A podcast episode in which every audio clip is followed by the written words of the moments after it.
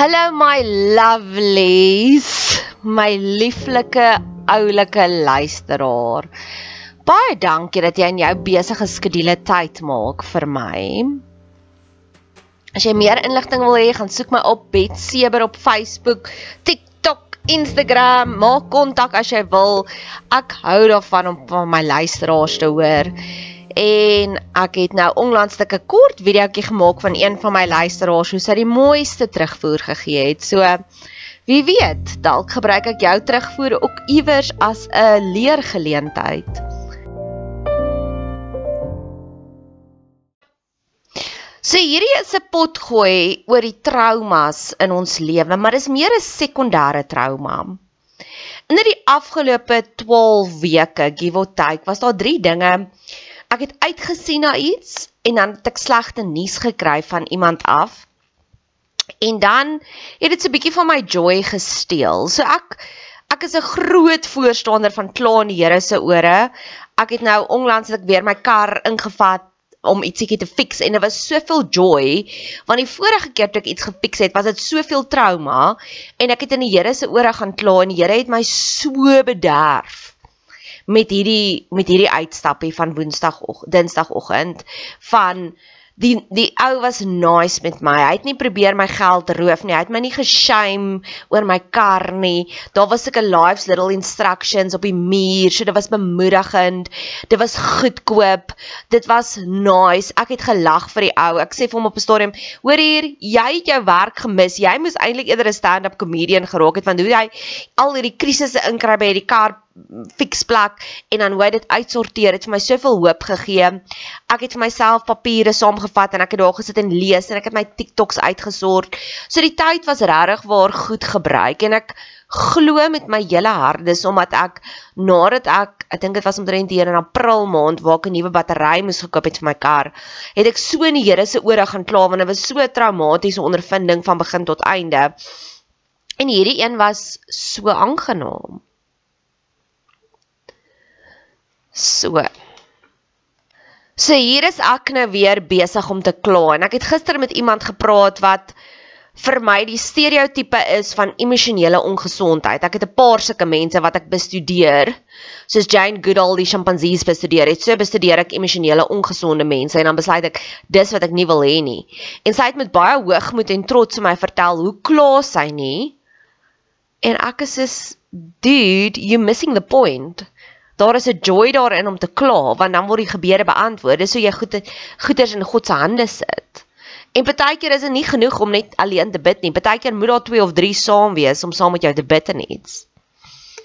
Maar in elk geval so daar drie dinge gebeur nou in die afgelope ruk. Die een was ons het hierdie Music Brain. Nou Music Brain is 'n event wat ons een keer 'n maand vier en dan kom ons 'n groot groep bymekaar en ons het 'n tema en dan kies ons dan nou elkeen moet nou 'n liedjie voorstel maak en ons stem wie se liedjie was die beste en dis lekker snackies en lekker dis altyd net lekker. So ek het uitgesien na die na die derde Music Brain en ek het my Karel wat op daai stadium nog nie my Karel was nie, maar nou sy my Karel het ek saamgevat om te sê ek wil graag hê jy met my mense nou begin ontmoet. So ek het met groot opgewondenheid na die funksie toe gegaan. En toe ons daar arriveer, toe kry ons slegte nuus dat een van ons vriendinne se pa is toe net daai middag baie skielik oorlede. En daar was hierdie hele demper op die music brain vir ons. En dit was my sleg want ek wou gehoor het hy moes lag saam met ons en ons hartjies was so seer. En verlede jaar het ek een keer na twee begrafnisse toe gegaan en dit het my lewe so verryk op soveel verskillende maniere. Daar was 'n joy om 'n bereavement doula te wees, om saam met iemand deur daardie rouproses te gaan. En verlede jaar ook het ek het een van my vriendinne se pa gesterf en my hartjie was so seer vir haar part en toe het almal vra blomme gebring en toe op 'n storm sê sy my Nadia ek het te veel blomme. Hier's vir jou 'n bos pink blomme. Gaan hou dit in jou huisie en ek het daardie blomme vertroetel en gekoester want dit was amper asof God vir my gesê het hier is jou beauty for ashes. En dis ook hoekom ek nou hierdie pot gooi maak want ek weet ek het al baie in die Here se ore gekla wanneer mense my verwerp en as al God baie ander mense stuur om my te vertroetel. En dan's hulle aandag soveel meer werd op die ou ene van die dag as 'n een persoon wat my nie vertroetel het nie. En in Joel in Joel, ek weet nie hoe spreek mense dit uit nie, Joel, die die profeet Joel skryf hy ook God sal vir ons teruggee die jare wat die sprinkaan gevreet het. En dis wat ek nou vir die Here verwag mee. So die eerste een was die music brain wat die demper was. Die tweede keer was ek vir die eerste keer in jare wildtuin toe en dit was so lekker, maar daai sonoggend toe kry ek hierdie WhatsApp van 'n vreemde nommer af. Hallo Tannie, het Tannie gehoor my ma is in die hospitaal? En dit het dadelik weer my joy gesteel want ek is 'n empath. En ek wil dit ook nou voor die Here se voete gaan neerlê want Sondag het ek het ek vir my Karel gesê hierdie week wil ek net 'n normale week hê. Ek wil nie elektrisiteitsprobleme by die werk hê nie. Ek wil nie slegte nuus kry nie. Niks. Ek wil net goeie nuus kry. En dit was sover. Sover was dit regtig waar 'n magic week en vir die eerste keer in weke is my muse, my kreatiwiteit is weer terug. Maar ek het hard ook daaraan gewerk. Ek werk nou weer deur Artist Way.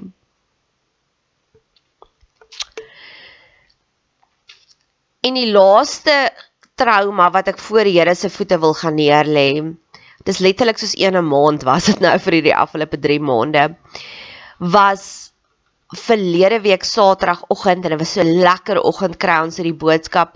Hallo julle, bid asseblief vir Tasha, sy was nou net in 'n groot motorongeluk. En van daardie tydperk af en dis nou amperkies 2 weke, elke dag ontvang ons hierdie goeie nuus van Tasha af wat nog in die ICU lê en hoe sy nou gevra het gister eergister vir die eerste keer vir haar Karel vir 'n soen want sy sê ek is nou reg vir 'n soen. Maar sy kan nog nie praat nie. So sy het dit blykbaar gefluister of iets is dit. Ja, en daar lê joy om elke keer weer te sien, wow, vir hoeveel kan ons dankbaar wees. En iemand het oor die naweek hy gesê hy wil nie hê sy sy foon moet hom geld kos nie. Hy wil hê sy foon moet vir hom geld maak. En ek is soos Here, dis hoe ek voel oor my liggaam. Ek wil nie hê my liggaam moet vir my geld kos nie. Ek wil sien hoeveel geld kan ek maak met my liggaam. Nou nie om 'n prostituut te word nie, glad nie, met my brein, met my vingers om te tik, met my mond om te praat. So ja. En dis my mission. Is ek het vir jare lank het ek gefokus op trauma en trauma genesing en ek voel daai calling is nou verby. Ek wil kyk hoeveel kan ons spakel. Ek wil kyk hoe gesond kan ons werklik raak. En ek is op 'n mission daaroor en ek het gister die lekkerste gesprek daaroor gehad. So hierdie is en Sondagoggend vroeg toe ons in die kar klim. Toe speel Steve Wolfmeyer se liedjie Red Gebed. Hy gee vinnige red gebed. So hierdie is nie 'n red gebed nie, hierdie is 'n beautiful ashes gebed. Om te sê Here, kom wys my asseblief Hoe gesond kan U ons maak? Ek wil hierdie drie traumas en al die joy wat dit kom steel het by my, wil ek net so in die hande kom sit en sê, soos Jal beloof, U sal vir ons die jare teruggee wat die sprinkaan gesteel het. So wil ek graag nou dieselfde sien hierop. So dis wat ons doen met traumas. Ek voel alles in ons lewe is soos bestanddele wat God vir ons gee. Ek speel elke oggend die Wordle game, die New York Times Wordle game en die wortel speletjie. En dan met al daai lettertjies maak ek 'n woord en dan kry ek soos 'n ja en dan flip hy so om en dan word hy groen. En dis wat ek nou sê is Here, ek gee nou vir u al hierdie stikkende stukkies want ek weet Jesus het gesê gaan versamel al die stukkies van die brood en die visse wat hy vermeerder het en toe versamel hy dit in 12 bakkies en toe staan nog kos. En dis wat ek nou vir die Here wil vra.